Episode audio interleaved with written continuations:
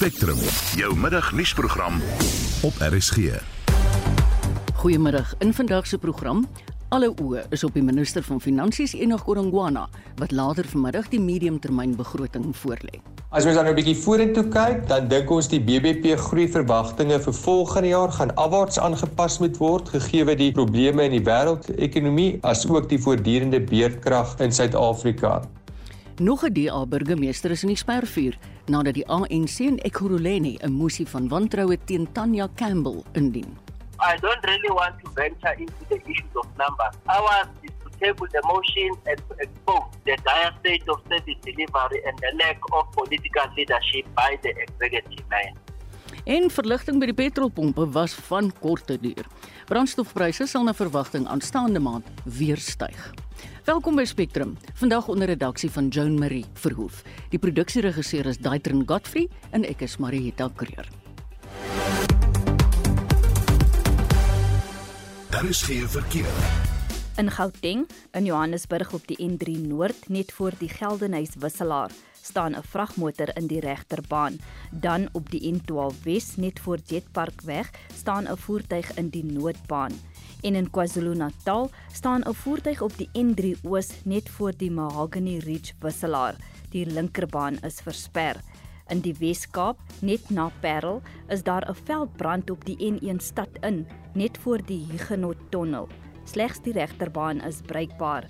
Indien jy enige ander verkeersnuus het, stuur vir ons 'n SMS na 45889 teen R1.50 en begin die boodskap met die woord verkeer. Ek is Bianca Olifant met die verkeersnuus.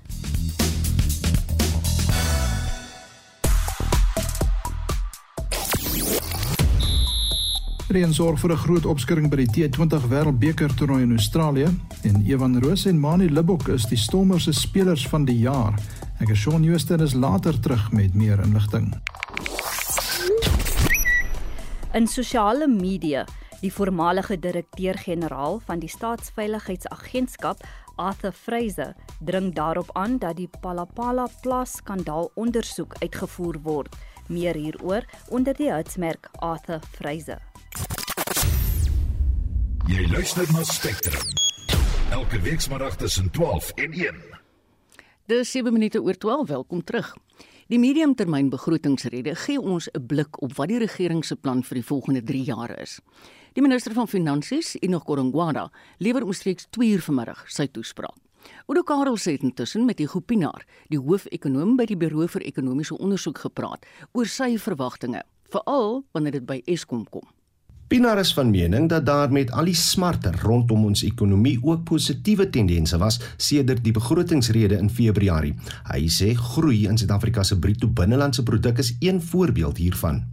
So met daai hoër syfer en met die sterk winste wat ons nog van die mynbou sektor sien, gaan die staatsinkomste vir hierdie fiskale jaar of belastingjaar heelwat beter wees as wat in Februarie verwag is. En daai syfer kan meer as 100 miljard rand hoër wees. Dit het 'n groot impak op die begrotingstekort wat volgens Pinaar laer as verwagting sal wees. So ons dink die begrotingstekort wat in Februarie op 6% verwag is vir hierdie finansiële jaar Daai 6% kan waarskynlik nou minder as 5% wees. Met ander woorde, een van die kernbelangrike fiskale ratios gaan waarskynlik beter lyk as wat ons in Februarie uh, gedink het. Die groot vraag in die verband is of Eskom die positiewe tendens sal knielter. As dit wel gebeur en dit kan tot soveel as 200 miljard rand wees wat van Eskom na die staat se balansstaat oorbeweeg, dan gaan dit natuurlik daai positiewe impak van die laer begrotingstekort op die skuldvlak ondermyn. Pinaar deel sy verwagting vir die mediumtermyn. So as mens in die toekoms kyk, dan lyk dit of die staatsinkomste nie so sterk gaan aanhou vertoon soos die laaste jare of wat nie, en dan is daar ook 'n klompie risiko's aan die bestedingskant. So die skuldsituasie lyk nie te sleg vir hierdie jaar nie. Die begrotingstekort gaan waarskynlik beter lyk, maar as mens oor die volgende 2 jaar uh, kyk, dan dink ons daai uh, begrotingstekort kan weer verswak gegeewe druk op besteding en druk aan die inkomste kant. Hugo Pinaar, die hoofekonoom by die Buro vir Ekonomiese Onderzoek, onthou RSG het net na die mediumtermyn begrotingsrede vanmiddag 'n spesiale uitsending wat ontleding sal doen oor die minister se toespraak. Oudo Karelse, SAK nuus. Die wipwaarrit van die politieke malemeule in Gauteng is nog lank nie verby nie. Al is 'n mosie destyds aanvaar om van die burgemeester van Johannesburg, Dr. Mpo Palatsi, ontslae te raak, het die hof gister bevind dat die proses ongrondwetlik is. Intussen word 'n mosie van wantroue in die burgemeester van die Ekurhuleni Metro, Tanya Campbell, ook vandag aangehoor. Ons praat nou met professor Pieter Duvenage, dekaan van die departement Geesteswetenskap aan Akademia, oor die stand van koalisiepolitiek in Gauteng. Goeiemôre Pieter. Goeiemôre Marita. Hoe vaar Suid-Afrikaanse politieke partye met die kuns van koalisiepolitiek? Wel, ons sukkel maar nog 'n bietjie. Ehm um, dit hang ook natuurlik af Marietta waar jy kyk in Suid-Afrika. Ek dink daar's voorbeelde in die Wes-Kaap provinsie waar daar net twee partye betrokke is waar dit beter gaan, twee of drie. Maar hier in Gauteng wat nou baie sterk in die kollig is, gaan dit maar moeilik. Uh byvoorbeeld in Johannesburg en Ekurhuleni waarna jy verwys, uh wat uh in op op die oomblik baie sterk in die kollig is, is daar tot sewe partye in 'n koalisie. Hmm. En by Johannesburg gaan daai sewe koalisie net oor die 50 Uh en toe was daar nou al hierdie vergaderings en jy noem dit 'n malle meele, dis inderdaad so. By Ukurhuleni is die is die 6 of 7 partye saam met die DA net onder 50%. En in uh, Pretoria Tswane gaan dit nou heelwat beter want daar's ek dink 3 of 4 partye bo die 50% merk. So dit hang af waar mense daarna kyk. Ek voel nie dat ons te ehm um, onvolwasse is of dat ons nog nie hierdie kuns bemeester het nie. Ek sien dit eerder as groeipyne. Regtig. Ja, nee, eerder groeipyne. Ehm um, as wat ons, jy weet dit is maar 'n proses. Ons het uh, baie lank 'n eenparty dominante stelsel gehad mm. tot hier 2014, 15, 16. Ek is net dankbaar daai eenparty dominante stelsel is verby. Nou het ons die groeipyne en al die probleme Goed. rondom koalisie en ons weet ook dit was aanvanklik 'n EFF en die DA en dit was nou vir jou 'n fiasco. Ja. Maar nou werk ons hopelik met iets meer kreatief, maar dit is maar nog steeds uh, dit daar's baie probleme uh hopende dat ons in die regte rigting werk. Is dit enigstens noemenswaardig dat die ANC se Dada Morero gesê het hy aanvaar Palazzi se hofuitspraak? Dit is nie vir my so noemenswaardig nie want ek dink waarop die ANC nou fokus is om nou regulatories of kom ons sê maar administratief reg die volgende vergadering te te reël in die Johannesburgse metro. Hulle gaan nou hulle die hofsaak verloor want dit was 'n wanordelike ja. manier waarop die mag oorgeneem is. Mm. Ook met die speaker wat nog steeds in haar posisie is. En uh, wat nou moet gebeur is die ANC gaan hard probeer om die EFF by sigself te hou en dan daai PA lede. Hulle dra ja. eintlik die die die mag en die ehm um, is op die oomblik die koningmakers. Dis 'n begrip wat ook al onder ons ontstaan het. Nou daai 8 PA lede as hulle weer saam met die EFF en die ANC saamgaan en dit word reggedoen prosedureel dan gaan ehm um, Dr Palatsi weer haar posisie verloor in die DA. Maar daar moet nou baie water in die see loop. Ons sal hierdie dinge moet dophou mm. want jy weet 'n maand in die politiek is geweldig lank. Ook in stadspolitiek. Die vraag is of die EFF en die ANC werklik bedmaats is en dan die PA ehm um, het ook dalk nog gesien die afgelope maand hulle het nie soveel voordele ja. uit hierdie nuwe koalisie gekry nie. So ons sal maar hierdie ruimte moet dophou. Pieter, wat sal jy aanbeveel vir iemand soos dokter Palatsi as sy nou baie graag na amp sou wou aanbly? Watter stappe moet sy volg? Ek dink sy het nou weer die dinge in haar guns, maar dit was 'n uh, uitsprake hof uitspraak wat uh administratief en ehm um, hoe die hele proses uh, prosedureel in haar rigting is. Dis nie te sê sy het op die oomblik die meerderheid van die 270 lede agter haar in die Johannesburgse metro nie. Dit beteken sy moet 135 mm. plus 1 hê en die PA is daar die sleutel. Ek dink sy sal weer met die PA moet praat en sy sal ook met die ASA Action South Africa wat haar groot ehm um, koalisievennote moet praat en ek dink die DA in Johannesburg moet ook maar 'n bietjie leer uit hierdie ding uh om 'n meer kompromie te sluit en ook om hierdie kleiner partye so ver as moontlik ter wille te wees om 'n koalisie daar te stel ter wille van die burgers van Johannesburg want dit is eintlik waaroor dit gaan goeie dienslewering, goeie bestuur, professionele bestuur tot voordeel van die burgers van Johannesburg. Ek sien dit meer aan 'n DA koalisiekant as hierdie ANC EFF koalisie mm. wat dreig om weer terug te kom, maar ons soos ek sê, ons sal die ruimte moet dophou wat nou gaan gebeur. Vertel ons, hoe dink jy gaan die ding gebeur hierdie aanhoor vandag van burgemeester Tanya Campbell in Ekurhuleni? Ek dink sy is in groter moeilikheid want die die koalisie wat sy het is onder 50% en die oomblik as die EFF en die ANC mekaar daar vind, dan gaan daar ehm um, definitief 'n magswisseling wees in Ukuruleni. Maar nou aan die ander kant, alles hang af hoe die EFF vanoggend opgestaan het of môreoggend gaan opstaan. Dis 'n party wat hom glad nie steur aan enige vorm van 'n ordelike koalisieproses nie. Die EFF verander sy deentjie van dag tot dag en die ANC sal dit ook uitvind.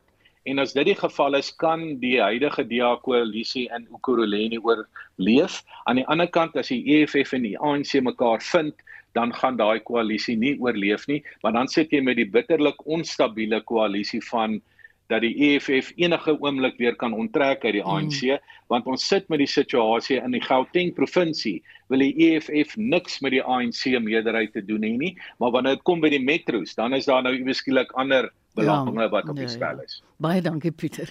Dit was professor Pieter Duvenage, dekaan van die departement Geesteswetenskap aan Akademia. Dit is 16 minute oor 12. Die wet op finansiering van politieke partye gaan binnekort hersien word. Dit volg na wysigings aan die kieswet om onafhanklike kandidaate toe te laat, asook besware deur die ANC oor die maksimum bedrag geld wat skenkers jaarliks aan 'n party mag gee.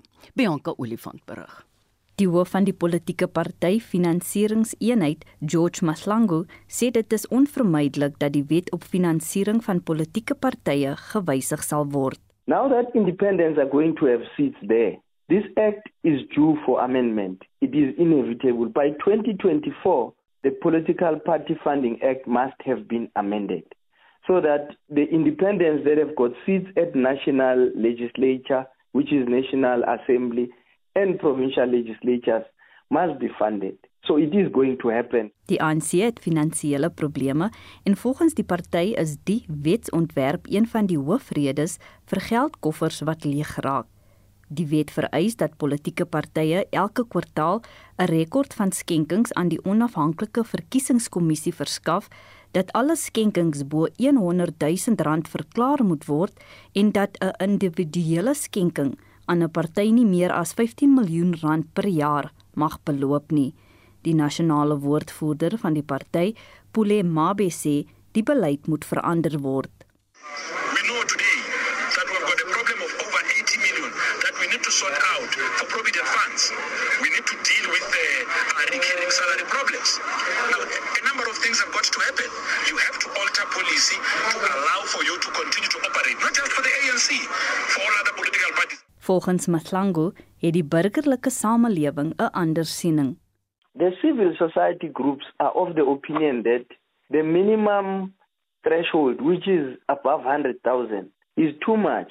This must be even brought down to 20, 30, or 40,000. And the political parties are saying, no, who can buy us with 100,000 or 15 million? Now you can see that the political parties are of the opinion that 15 million cap is too little. So it must be upped now, where we're sitting as a commission, we can't say the thresholds are sufficient or not sufficient. We must implement what has been passed by Parliament. Die verslag is saamgestel deur Bosie Chimombe in Johannesburg. Ek is Bianca Olifant vir SAK nuus. President Cyril Ramaphosa moet nog konsulteer met lede van die uitvoerende gesag wat in die staatskapingsverslag geïmpliseer word. Die kommissie se verslag het talle bevindinge gemaak oor ministers en adjunkministers, waaronder die minister van minerale hulpbronne, Gweri Mantashe, en water en sanitasie, David Maslobo. President Ramaphosa. The commission made the fundamental point that persons who occupy positions in government must be people of integrity who conduct themselves ethically and in compliance with the law. Dit na so wat 4 jaar van 'n ondersoek wat Suid-Afrikaners op hete kole gehad het. Saterdag het die president die finale verslag aan die spreker van die parlement Nosiviwe Mapisa Nkakula gegee. Tydens die kommissie se werk is aanbeveel dat die minister van minerale hulpbronne, Gwedi Mantashe, vir moontlike korrupsie ondersoek word. Die verslag sit uiteen hoe veiligheidsopgraderings by sy huise deur Bosasa betaal is terwyl hy die ANC sekretaris-generaal was. Mantashe het erken dat hy nie vir die opgraderings betaal het nie, maar het ontken dat hy enigiets verkeerd gedoen het. Till we move beyond the point of there is a reasonable prospect that further investigation will uncover prima facie case against Mantashe. Once we move beyond that point, and then we decide at that point. Die adjunkminister van staatsveiligheid Zizi Kodwa het ook voor die kommissie verskyn. Tydens die sittings het die kommissie gehoor hoe die sakeman Jahan McKay Kodwa se luukse vakansies betaal het. McKay het ook 'n lening van meer as 1,7 miljoen rand aan Kodwa toegestaan. I came to assure you that such payments were indeed financial help from a friend. And yes, they sometimes involve figures that seem high. Die verslag beveel aan dat die president dit oorweeg om van Kodwa ontslae te raak. Mantashe en Kodwa word beskou as bondgenote van Ramaphosa. Die politieke ontleder Kanye Magubane sê die president sal fyn voetwerk moet uitvoer.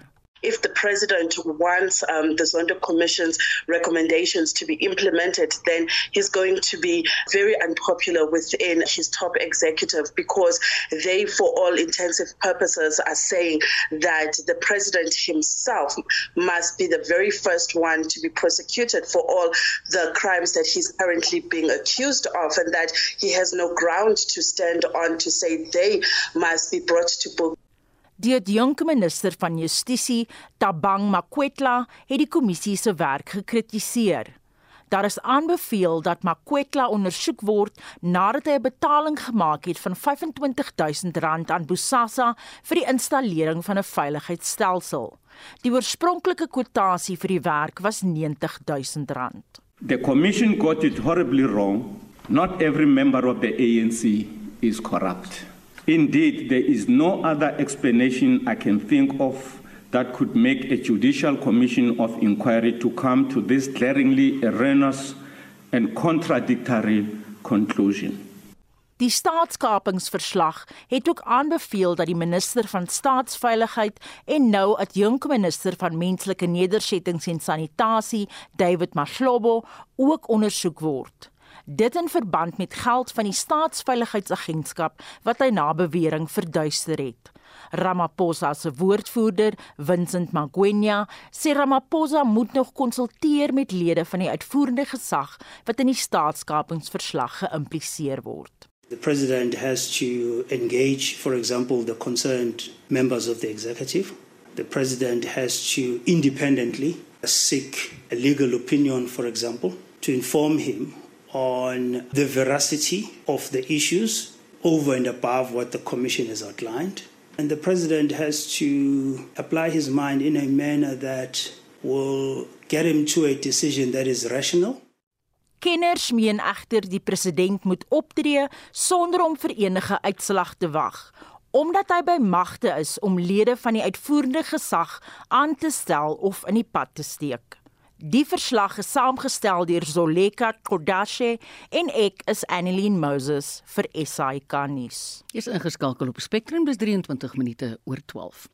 Die uitvoerende bestuur van die Nysna munisipaliteit word van onreëlmatige aanstellings beskuldig en die waarnemende munisipale bestuurder het intussen sy bedanking ingedien.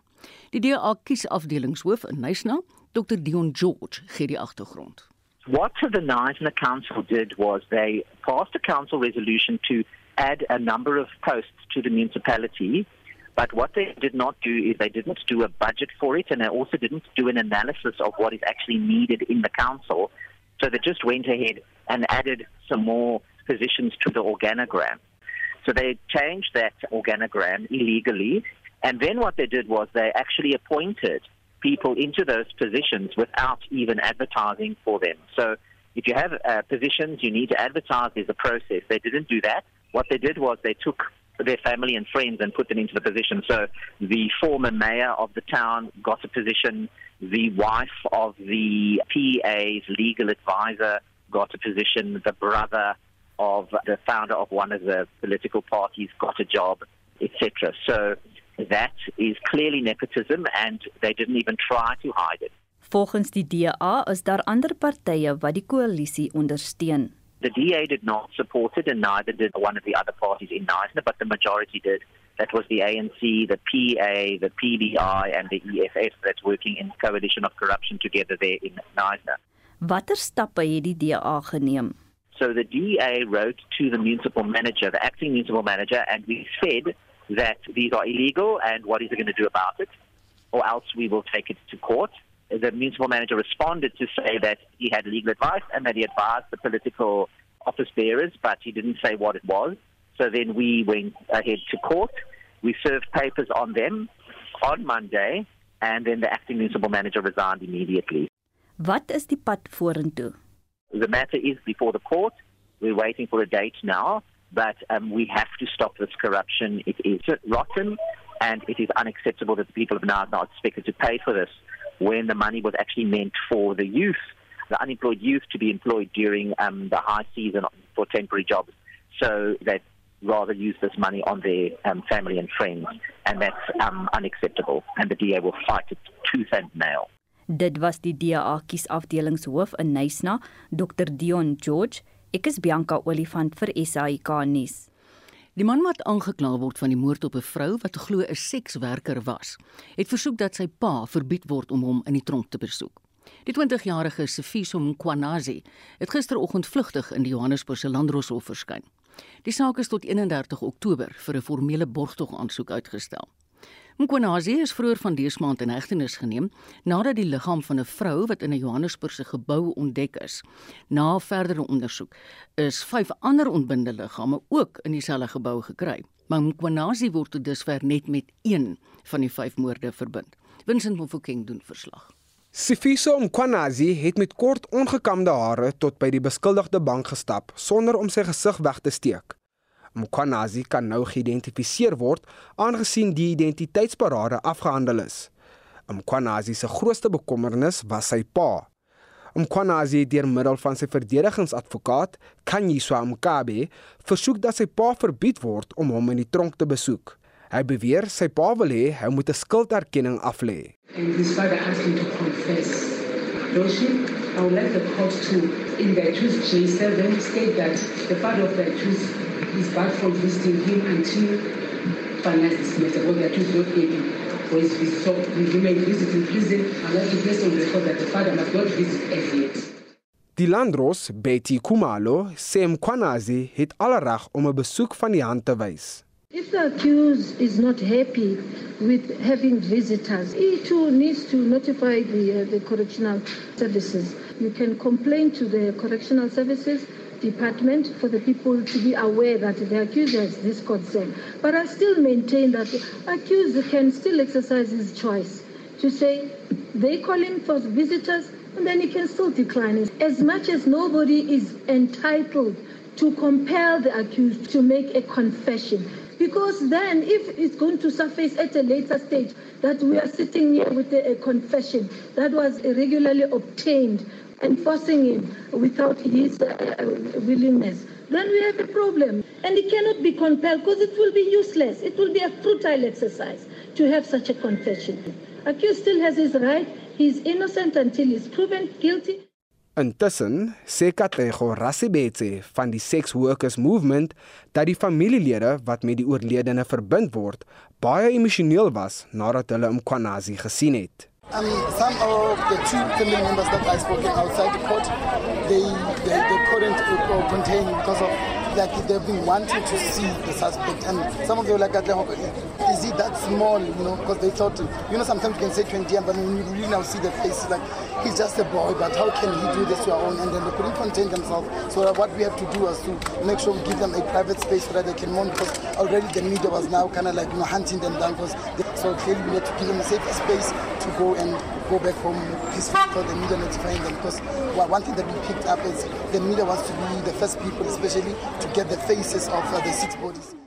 Die nasionale vervolgingsgesag sê hulle wag nog op DNA-uitslae en eers dan kan die oorledenes, wie se liggame erg ontbind was, uitgeken word. Die nasionale vervolgingsgesag sê hulle sal borgtog teenstaan wanneer Mkwanazi op 31 Oktober na die hof terugkeer. Die verslag van Paul Magubane. Ek as Vincent Mufokeng vir SAI Garnis. Jy luister na Spectrum. Op RSG. Die volgende nuus lê nog voor. Inwoners van Mosselbaai beskuldig Petro SA se bestuur van onreëlmatighede. Verskeie mense is in hegtenis geneem na gewelddadige betogings in Bethlehem in die Vrystaat. En reeks pierneefskilderye kry 'n nuwe tuiste by die Voortrekker Monument. Enige iemand wat in 'n vertrek instap sal dadelik 'n pierneef eien. Hierdie is 'n nuwe afsetgebied daarvoor waar besoekers gerus kan gaan kyk wat 'n voortreffelike kunstenaar hy was. Ons nooi jou bly gerus ingeskakel. Daar is geen verkeer. In Gauteng In Johannesburg is daar padwerk in die regterbaan op die N12 Oos tussen Snyk en Pitfontein weg. In Pretoria op die N1 Suid net na Garsfontein weg is daar 'n botsing en die noodbaan is versper. Dan op die R1 op die R21 Noord net na Nelmapies weg staan 'n voertuig in die noodbaan. Ek is Bianca Olifant met die verkeersnuus op Spectrum.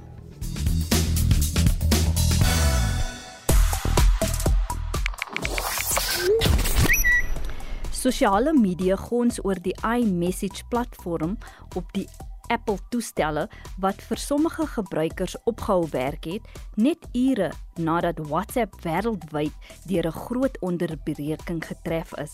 Dit was glo die langste tyd dat die platform buite werking was. Die hitsmerk daar is iMessage en WhatsApp. Tyd vir sportnuus, hier Shaun Justin. By die T20 Wêreldbeker toernooi in Australië het reën vir 'n groot opskudding gesorg. Engeland het hulle wedstryd teen Ierland vanoggend met 5 lopies deur die Duckworth Lewis Stern metode verloor. Ierland golf eerste en teken 157 aan met die kaptein Andy Delbany wat op 62 eindig. Engeland staan op 105 vir 5 na 14.3 bilbeerde toe reën weer neersak. Hulle moes op 111 staan om die wedstryd te wen. Engeland is nou derde op 2 punte en Ierland skuif in die 4de plek in ook op 2 punte in groep 1. In vandag se tweede wedstryd speel Nieu-Seeland teen Afghanistan. Ons herinner ook graag dat die Proteas môreoggend van 5uur af teen Bangladesh kragte meet. Daar is ook twee wedstryde in die KSAT 20 uitdaging in Potchefstroom wat vandag voorlê. Half 3 kom die Dolphins teen die Lions en vanaand 6uur die Rocks teen die Knights te staan. Die sokkerveld is ook vanaand weer besig met DStv Premierliga en Kampioenliga wedstryde wat voorlê. Plaaslik draf Marumo Gallants half 8 teen AmaZulu op die veld uit. En in die Kampioenliga kom Ajax Amsterdam teen Liverpool, Atletico Madrid teen Bayer Leverkusen, Barcelona teen Bayern München, Eintracht Frankfurt teen Marseille en Tottenham Hotspur teen Sporting CP te staan om net 'n paar te noem. Die vyf wedstryde skop 9 uur af. Ek sluit af met rugby nuus. Die agste man Evan Roos en Loskakel Mani Libbok is gisterand as spelers van die jaar by die Weselike Provinsie se jaarlikse toekenninge aangewys. Libbok is die Stormers se algehele speler van die jaar, terwyl Roos met die spelers se speler van die jaar toekenning weggestap het. Die Stormers het die Verenigde Rugby Kampioenskappe vroeër die jaar gewen met beide spelers wat 'n instrumentele rol gespeel het. Hulle is ook onlangs na die Springbok oefenkamp in Stellenbosch uitgenooi. En dit was Shaun Jooste van ons sportredaksie en terwyl ons nou sport praat, daar was vroeër vanoggend verwarring nie net by RSG nie, maar ook by ons nuuslesenaar. Die Proteas speel môreoggend 5uur Suid-Afrikaanse tyd teen Bangladesh in Sydney. Nie vandag nie, môre en baie vroeg. So as jy 'n aanhanger is, stel maar die wekker. Spectrum, jou middagnuusprogram op RSG. Miskien het jy onlangs by ons aangesluit, dan sê ons vir jou baie welkom. Data ter waarde van miljoene rand is besig om van twee van Suid-Afrika se selfoonnetwerke te verdwyn. Terwyl daar kop gekrap word, het die aanlyn tydskrif mybroadband.co.za sy eie ondersoek geloods. En ons praat nou met die redakteur van die aanlyn nuusdiens wat fokus op tegnologie, Jan Vermeulen. Hallo Jan. Goeiemôre, dis 'n plesier om hier te wees. Hoekom het julle ouens met hierdie ondersoek begin? Dit ehm um, dis dit kom nou al jare of ons doen dit nou al jare lank. Ehm um, uh, en vir die uh, eenvoudige rede dat ons die hele tyd klagtes ontvang van mense wat sê uh hulle hulle data verdwyn. En so ons wou toe beter verstaan wat presies daar aangaan want uh mense uh, sê hulle data of hulle ligtyd verdwyn vir verskeie redes. Ehm um, en so ons wil agter die kap van die byl kom en uh, en dalk sal die netwerke help om om uit te pleis wat beter is om aan te gaan dat hulle dit kan regmaak. Vertel ons 'n bietjie van die proses wat jy volg. Ja, sekerlik. So ons gebruik uh identiese fone so uh, in in die uh vir in, vir die vir die vier mobiele netwerke, vier identiese fone, elkeen met sy eie SIM-kaart in. En uh, ons maak seker die fone is is gevee hulle uh, word ontkoppel van die data netwerk af. Mm. So daar so in in Android is daar uh is daar 'n 'n ding wat jy kan sê uh, mobile data en dan sit jy dit af en om dan koppel ons hom op die Wi-Fi netwerk. Net vir ingeval daar daar um, 'n um, stukkie data is wat wat wil deursluip, dan is hy nog op die Wi-Fi mm. netwerk ook. Mm. So ons maak probeer 100% seker maak dat as as hierdie foon data wil gebruik, dan gaan dit nie mobiele data wees nie. Goed, dis baie interessant. Nou, Vodacom en Cell C is die twee netwerke wat hier ter sprake is. Doen hulle enigiets verkeerd? Ehm um, dis dis 'n interessante vraag want ehm um, uh, ek ek sou persoonlik sê ja en vir die eenvoudige rede omdat MTN en Telkom doen dit nie. Um, en en dit wys dat uh, daar sekerlik 'n manier is om te verhoed dat hierdie data verdwyn. En en so wat besig is om te gebeur is uh uh effektief Vodacom en Cell C is besig om mense uh vir um vir data af te trek vir wat ons signaling traffic doen. So dis dis um dis uh maar net die klein bietjies data wat tussen jou en die selfoontoring vloei net op 'n LTE of 4G netwerk. Hierdie gebeur nie op 3G sover ons weet nie.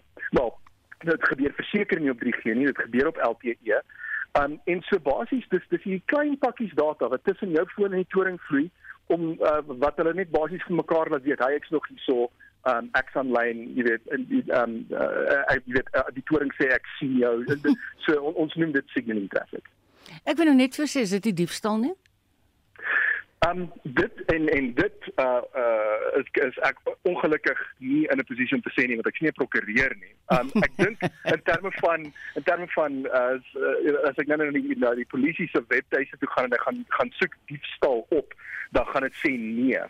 Um want want dit gaan dit gaan oor iets uh wat wat uh joune was wat ontneem is sonder dat jy iets jy weet daarvoor terugkry en en so aan. So ek, ek weet nie of dit of dit noodwendig um uh, diefstal is nie, maar mense kan oor die etiek daarvan praat. O ja, o ja. Hoe kan selfoonnetwerke verseker dat dit nie gebeur nie? Um dit sou nou interessant wees om by MTN en by Telkom te hoor wat hulle doen daar, maar maar ek dink um wat hulle eenvoudig doen is hulle identifiseer die verkeer wat wat hierdie um veroorsaak en hulle maak net seker dat hulle 0 rand daarvoor vra. My jene. Uh, so so uh, ons het dit nou in die verlede MTN het presies dieselfde probleem gehad op hulle netwerk en hulle het dit reggemaak.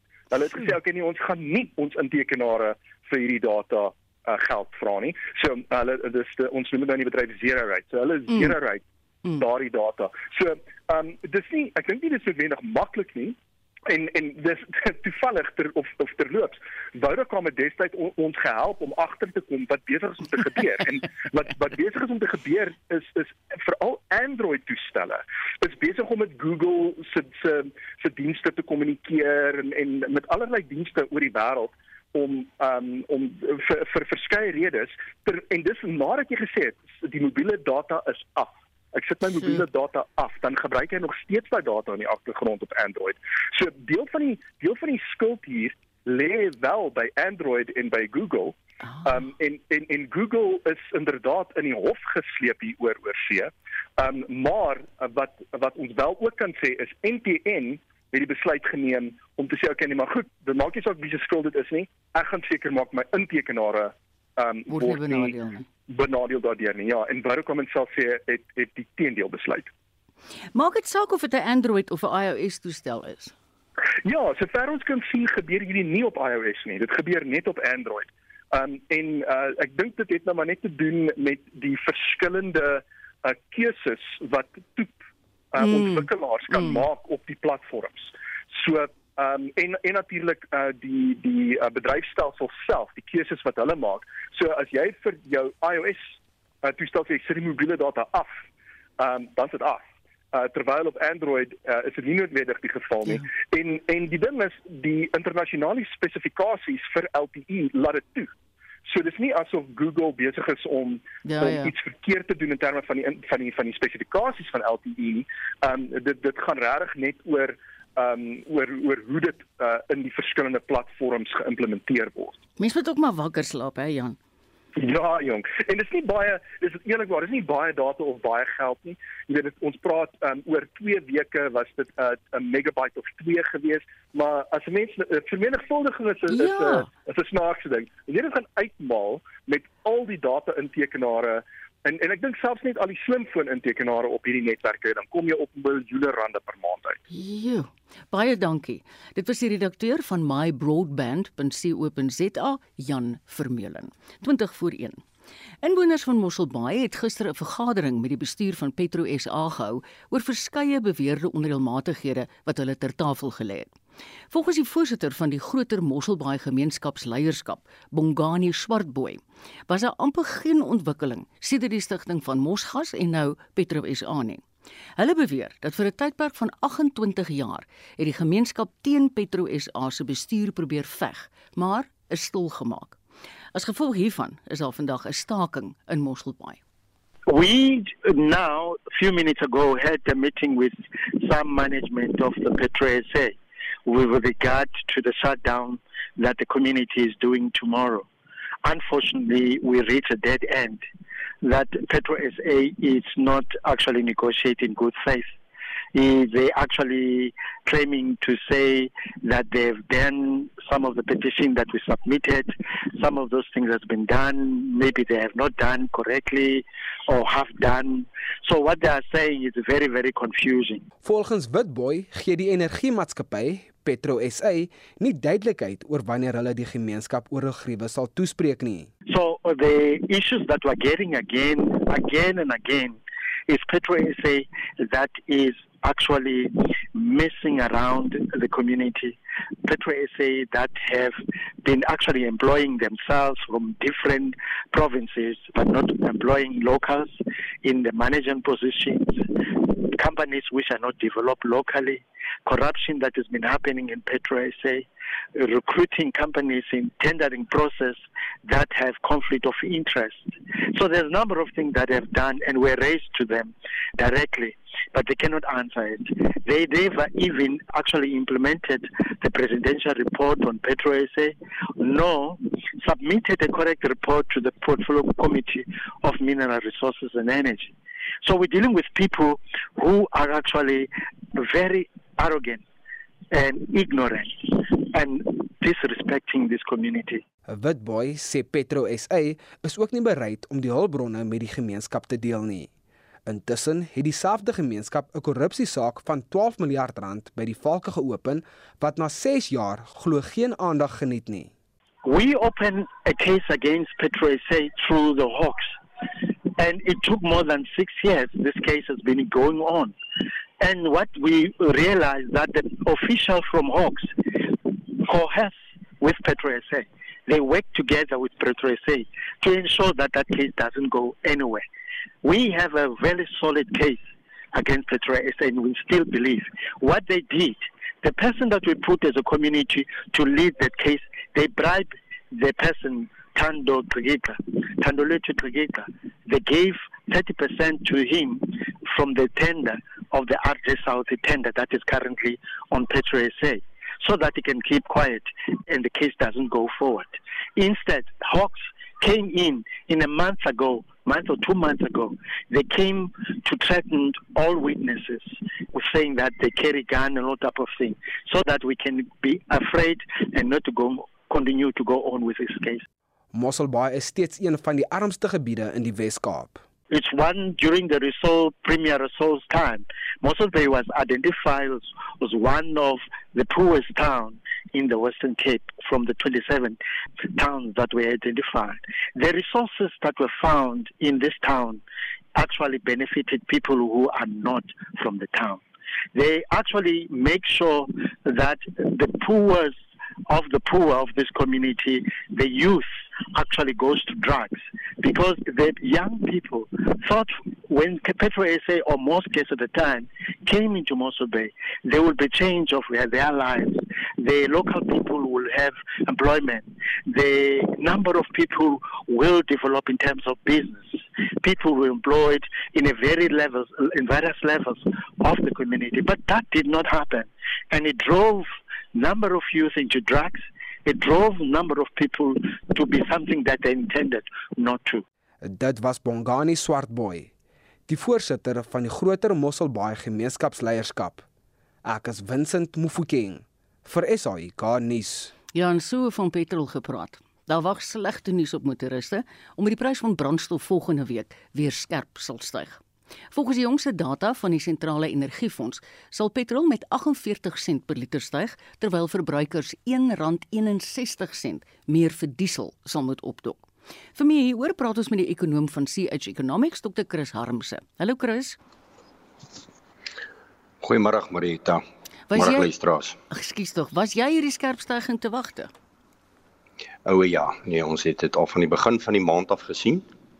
Uh jy moet net onthou die die rand het baie versteel mm. verswak. Mm, verswak. In die in die maand van Oktober. Jy weet ons was nog aan die begin van Oktober onder die 18 rand. Jy weet mm. ons het gemiddeld as hier omtrent by 17 rand uh 80 uh 85 ons het beweeg hier tussen vlakke van ongeveer 17 rand 60 en 18 rand en 10 sent maar die laaste 2 3 weke in Oktober het die weet ons dat die gemiddelde randpryse het baie sterk gestyg uh hier na die omgewing eerder van R18.30 en selfs hoër. So op die oomblik ja, lyk dit tog vir my so, ek het nou net die nuutste aangepaste syfer. So 59 sent op petrol en diesel lyk so 'n bietjie mm. beter, maar nog steeds uh R1.58. Ew. Uh en die rand het 'n bydra. Die rand se bydra was omtrent so 10 sent. Uh by by die petrol en diesel. Mm. Uh, uh diesel is 'n bietjie meer, uh R10.82 en op die uh gewone petrol so R7.87 want dit gaan oor die oor die oor die oor die basisprys bo want die beweging in die internasionale produkprys dit sluit nou die geraffineerde diesel soos dit land is hoër as die van petrol. Dis altyd so. Dis oh, al die jare so. As die petrolprys as die as as as ehm um, skus as brandstofpryse styg mm. as gevolg van die stygings in die geraffineerde pryse, dan styg diesel meer. Die teenoorgestel is waar. As hy weer daal, daal hy vinniger. O, ja. So hy het 'n baie groter ehm um, variasie. Uh het hy as as petrol. Hy's baie groter skommeling. Nou ons weet vir 'n feit dat Suid-Afrika se raffineriedery ehm um, kapasiteit het baie ernstig geknou met die ja. onluste in KwaZulu-Natal. Nou, met ander woorde baie van hierdie goed wat ons waarskynlik nou miskien kon beter geraffineer het teen laer kostes, want nou moet ons die nou moet ons hierdie petrol teen 'n baie duur prys van oor 'n ver afstande invoer die geraffineerde diesel en petrol. Aan die ander woorde, ek het volgens gehoor uit Saudi-Arabië voer ons 'n baie groot gedeelte uit. So dis 'n groot afstand ja. wat moet oorkom en dit natuurlik het die kostes verhoog en daar sien ons dat die bydrae so met ander woorde die effek wat ons het van daai onrus in KwaZulu-Natal waar van daai raffineriery nou moet stop om verder te werk uh, en ook ander redes sien ons voel ons dan ons sak. Want ek bedoel R1.58 gaan 'n baie sterk stygings wees en 'n 59 sent gaan ook 'n baie sterk stygings meet. Voeg nog daarbey, ja, voeg nog daarbey dat jy weet ons verwag dat die monetêre beleidskomitee van die Reserwebank nou nog in November gaan rentekoerse ook verhoog. Dit beteken die verbruiker het regtig 'n moeilike tydjie oor in Kersfees. Speel die oorlog in Oekraïne nog 'n rol, Chris? O ja, definitief. Op beide.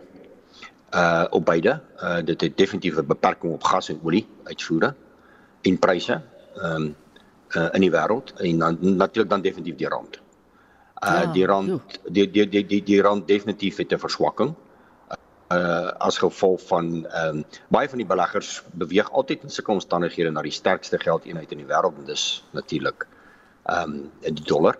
En dan moet ons natuurlik die sekondêre effek sê as gevolg van die oorlog in Oekraïne en en uh in Rusland, daai konflik uh, het natuurlik veroorsaak dat die wêreld se inflasiekoers baie sterk gestyg het insluitende Suid-Afrika.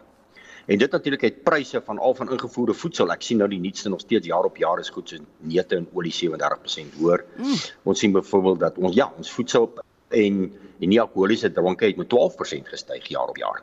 Nou daai sterk stygings natuurlik in die in die uh in die in die inflasiekoerse natuurlik die rand laat verswak. Ja. En omdat die rand verswak, het ons natuurlik nou hierdie effek op die petrol so aan op beide kante. Op beide aan die oliepryskant sowel as aan die wisselkoerskant het dit hierdie effek dat mhm. ons nou hierdie verhoogde ehm um, olie uh, petrolpryse kry. Ja, ek sê altyd vir die mense, resessie is nie vir sissies nie. Uh en ons het dit gesien in 2009 ook, nou met daai suprema krisis. Ja. Ja, het ons dit gesien en nou sien ons dit weer. Chris baie baie dankie. Dit was 'n ekonom van CH Economics, Dr. Chris Harmse. 10 pierneefskilderye wat jare lank in die Sonopmanskoshuis by die Universiteit van Pretoria uitgestal is, is gister na die Voortrekker Monument se Pierneefgalery verskuif. Die publiek kan dit nou daar bekyk. Mitsie van der Merwe het met die kunstkenner van Strauss en Key, Wilhelm van Rensburg, oor die verwikkeling gepraat.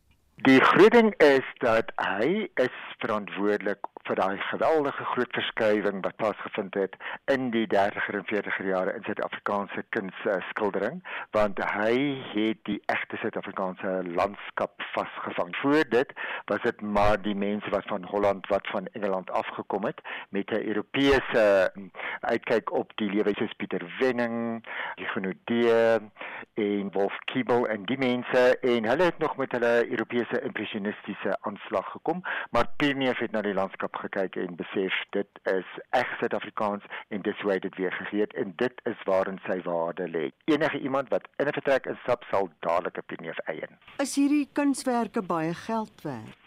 Natuurlik, daar is 'n groot spektrum. Binneef het gesorg dat almal een van sy werke kon bekostig. Jy ken natuurlik die groot skilderye, dan het hy ook baie um, kasseins gemaak. Kassein is 'n spesifieke medium wat hy self uitgedink het. Hy het waterverwe gemaak, hy het sketse gemaak en dan natuurlik die baie bekende wit en swart lino snee. So enige iemand selfs vandag kan dit nog bekostig. En die lino snee, net om vir jou 'n voorbeeld te gee, kan 'n mens nog kry vir so 20 tot 30 000 rand. 'n Goeie waterverf so 80 tot 120 000, 'n gemiddelde grootte skildery 500 tot 800 000 en dan na die groot bilies natuurlik enige iets van 2, 3, 4, 5 miljoen. Die Lemot bruik leenooreenkoms met die Manskoshuis Sonop by die Universiteit Pretoria is nou verskuif na die Erfenis Stichting wat daar uitgestal gaan word in die Pierneef Galery. Dink jy mense sal dit gaan kyk daar?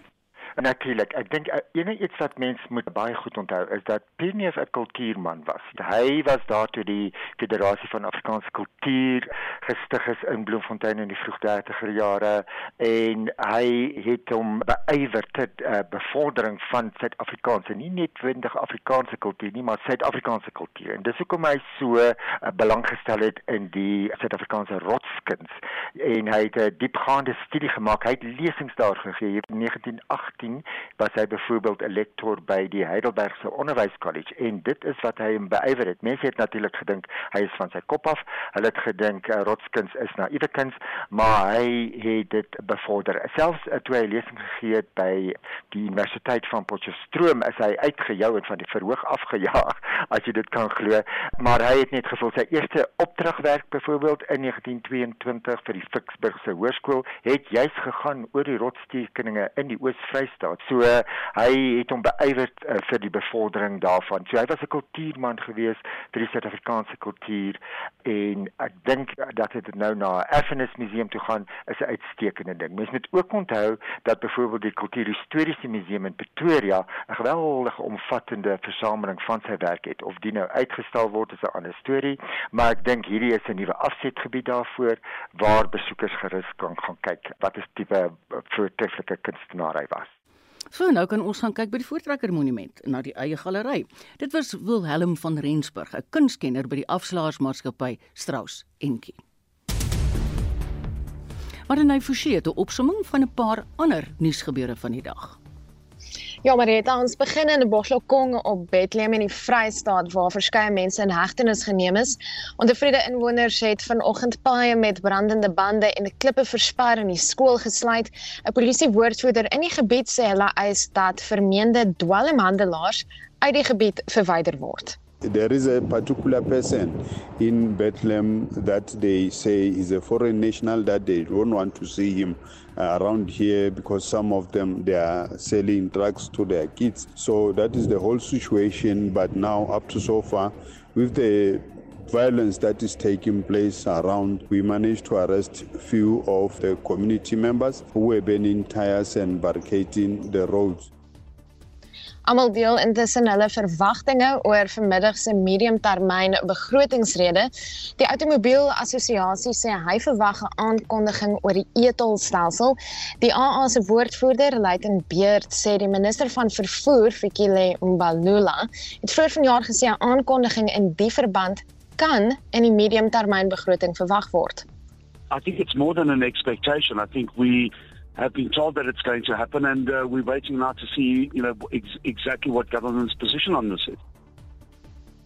En parlementslede in die nasionale vergadering het tot môre tyd om die onafhanklike paneel kenners wat die Palapala debakel ondersoek van inligting te voorsien oor of president Cyril Ramaphosa grondwetlik verantwoordelik gehou moet word vir die voorval of nie. Ons sou sake in die verband dop. Baie dankie Marlenae, sy het vir ons 'n blik gegee oor die dag se ontwikkelende nuus. Onthou gerus, daar is altyd 'n moontlikheid om na ander van ons vorige programme te gaan luister en hulle is op die webwerf van RSG. Dis rsg.co.za beskikbaar. Dan gaan jy net na Potgooi toe en kyk onder Spectrum of onder Monitor of onder Naweek Aktueel en dan gaan jy dit daar kan hoor. Maar moenie vergeet nie, skakel asseblief vanmiddag kwart voor 6 in vir Brandpunt. Dis waar die span vir ons 'n samevatting van die dag se nuusgebeure gee. Ek groet namens die hele redaksie vandag wat betrokke was. Ons uitvoerende regisseur is Nicoline de Wee, redakteur vandag Joan Marie Verhoef en die produksieregisseur Daitrin Godfrey. Ons skakel nou oor na die Kaapse ateljee vir die 1 uur nuus en vir 360 en onthou ons het 'n regstreekse uitsending van die medium termyn begroting. daarmee groet ek. Totsiens.